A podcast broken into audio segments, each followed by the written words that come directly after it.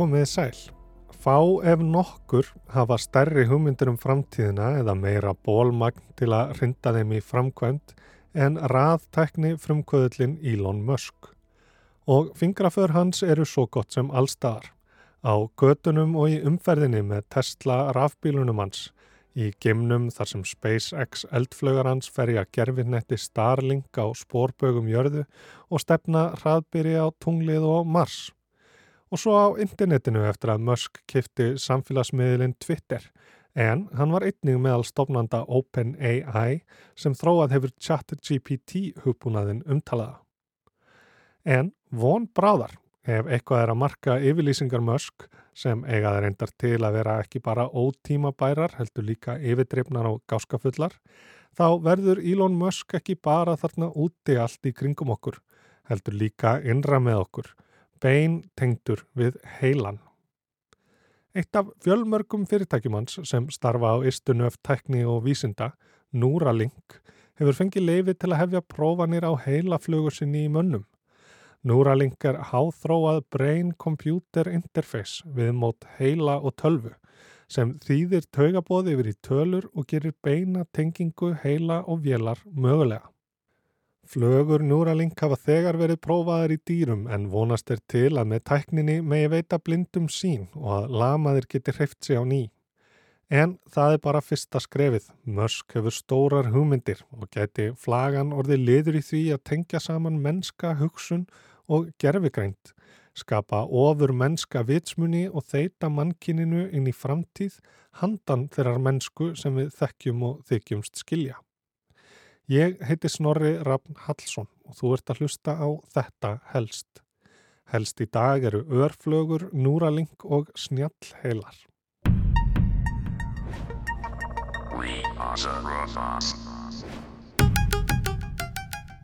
Núraling var stopnað 2016 og sóti Elon Musk meðal annars innblástur í vísindaskáldskap skoska ritthöfundarins Ian M. Banks, sagnabolkin The Culture. Mannlíkir borgarar menningarinnar eru erðabreittir og tæknibættir einstaklingar sem eru fyrir vikið mun þróaðri en aðrar tegundir. Og með tækni sem heitir Neural Lace, einhvers konar taugareim, geta þeir beintengt sig við tölfur og vélar og hafið sig yfir efnislega tilvist. Áhugin kveiknaði þegar Musk fór að hugsa um hvað við getum gert þegar gerfigreindin óhjákvæmilega tekur fram úr okkur. Jafnvel þó gerfigreindin myndi ekki snúast gegn okkur, hvernig gætum við sem tegun tekið þátt í þessu ferðalagi. Svona hugsar Elon Musk. Tölvurnar og tækin eru þegar orðin hluti af okkur. Að gleima símanum sínum er eins og að missa útlim eða get ekki hugsað almennilega. Við erum nú þegar vél, skástrygg menni, cyborg. Helsta hindrunin er svo hversu hægt við getum skipst á upplýsingum við tækjum. Við hlöðum gögnum upp og niður með því að lesa og skrifa, hlusta og tala. Gagna sendingarhraði talmáls er um 39 bit á sekundu. Venjulegt internet með snúru er á bylinu 100 megabit til 10 gigabit. Bóðskipti innan 12 hlaupa á gigabitum og jafnvel terabitum. Miljónföldum ef ekki miljardföldum hraða. Ef við næðum slíkum hraða í hugsun og samskiptum við hvort annað og tækin okkar er aldrei að vita hverju við gætum áorkað, hvað við gætum orðið. Langtíma markmið Neuralink, Musk er alltaf með hugan við hvernig heimurinn verður eftir okkar dag, er því að þróa viðmót sem gæti lesið úr öllum bóðum heilans og sendt til tölvu í rauntíma og öfugt.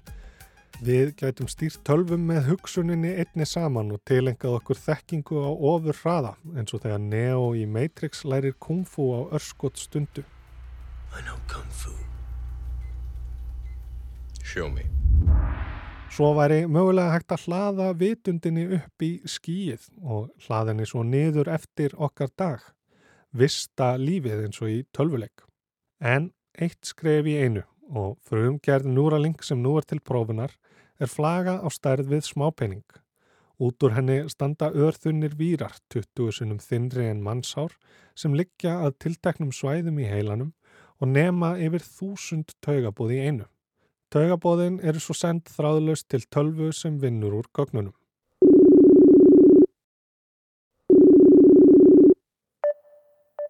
Ég sló á þráðin til Halls Reynissonar, doktorsnema í taugar af lífeðlisfræði í Sydney í Ástralíu.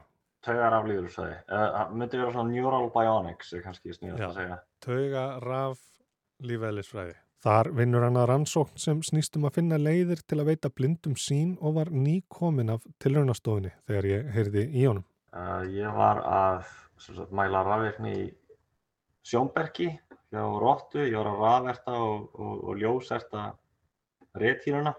En hvernig virkar þessi tekní? Það var þess að sagt að þú implantar einhverjum elektróðum inn í heilan og þú mælir rafvirkni þegar manneskja eða dýr í rauninni er að fást við eitthvað verkefni. Makaki Abin Pager er á meðal tilraunadýra Neuralink. Heilaflögu var komið fyrir í abanum og honum kent að spila hinn síkilda tölvuleik Pong. Flagan nam taugabóðin sem stjórnuð reyfingum Abans og tölvulíkan Neuralink lærði af þeim hvaða taugabóð samsvöruðu hvaða handarreyfingum Pagers og þar með reyfingum spaðans í leiknum. Þegar líkanið hafði sapnað nægum upplýsingum var hægt að aftengja stýripinnan og senda Neuralink bóðin beint inn í tölvuspilið í staðin. Pager stjórnar þannig spaðanum með huganum ekki höndinni og það má hugsa sér að floknari heili með floknari flögu geti stjórnað mun floknara fyrirbæri í framtíðinni. Og þá getur tauganett eða einhvers konar öðruvísi tölfræði líkan lært hvað þú ert að gera, bórið saman hvað er að gerast að þessari stundu og hvernig, er, hvernig eru taugafrumunar að, að, að skjóta í rauninni. Út frá því getur fengið líkan, veist, hvað, er, hvað er heilin að gera?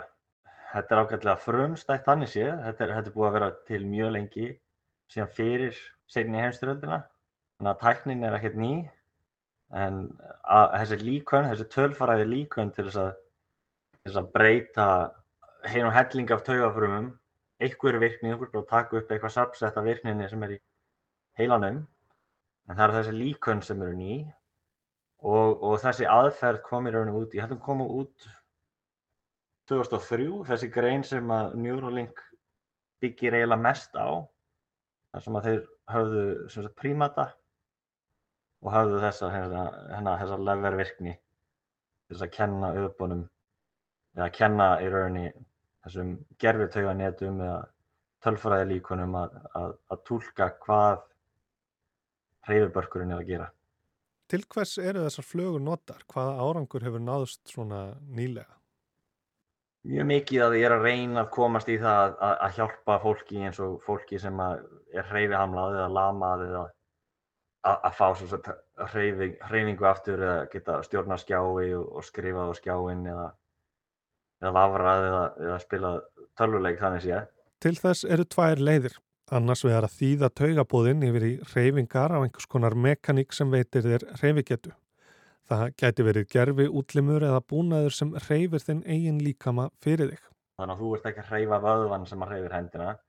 Það er til dæmis eitthvað sem er hægt að gera.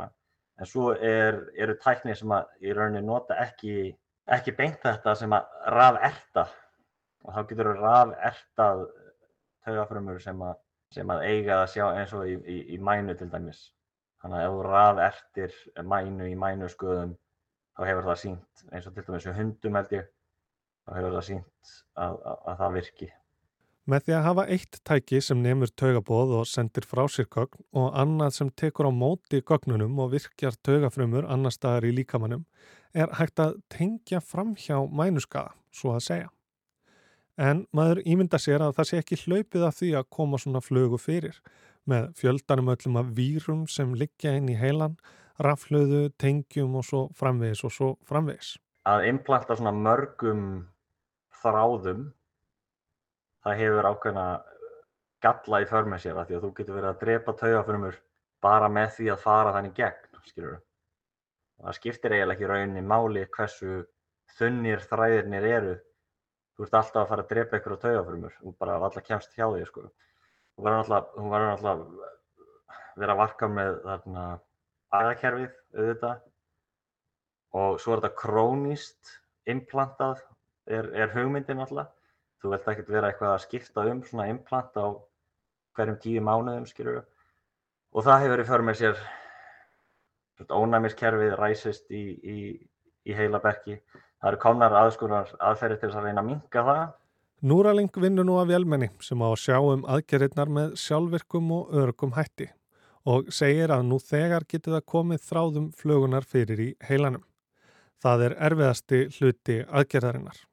Ímyndaðið er að taka hár af höfðið þínu og að reyna að stinga því hlaup sem er þakið plastfilmnu og að gera það nákvæmlega hvað var þar dýft og staðsetningu og að gera það 64 sinnum í röða á tiltölulega skömmum tíma.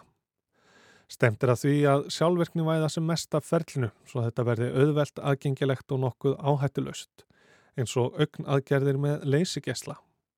Í framtíðinni var ég jafnvel hægt að stökka henni í næsta núraling útibú og næla sér í flögu í heilan með einföldum hætti eða uppfara þá sem það er nú þegar með.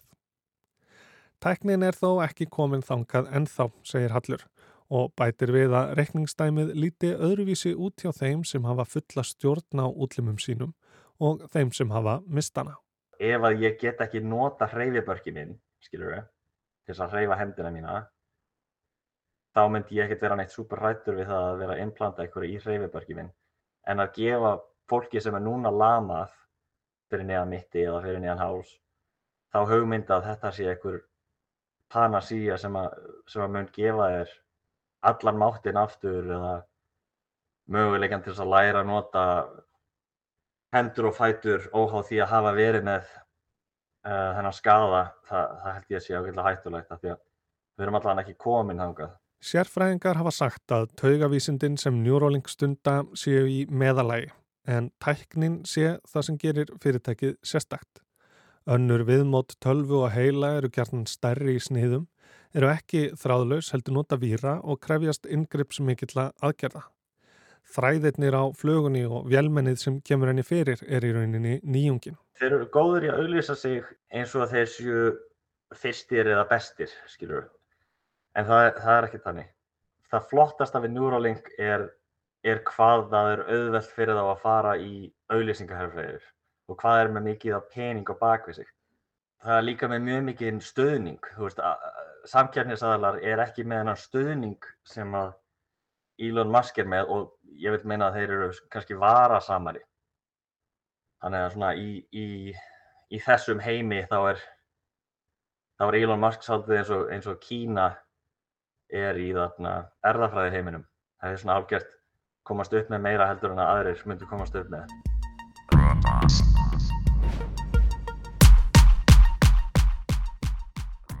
Elon Musk hefur þó fulla trú á Neuralink. Hann myndi setja svona flögur í börnin sín, svo örugt séða.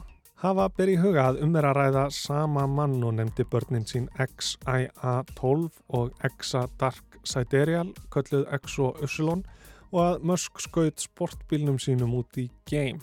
Hvað hann er til í að gera eða telur skinsamlegt er ekki endilega besti mælikvarðin á stórar og mikilvægar ákvarðanir.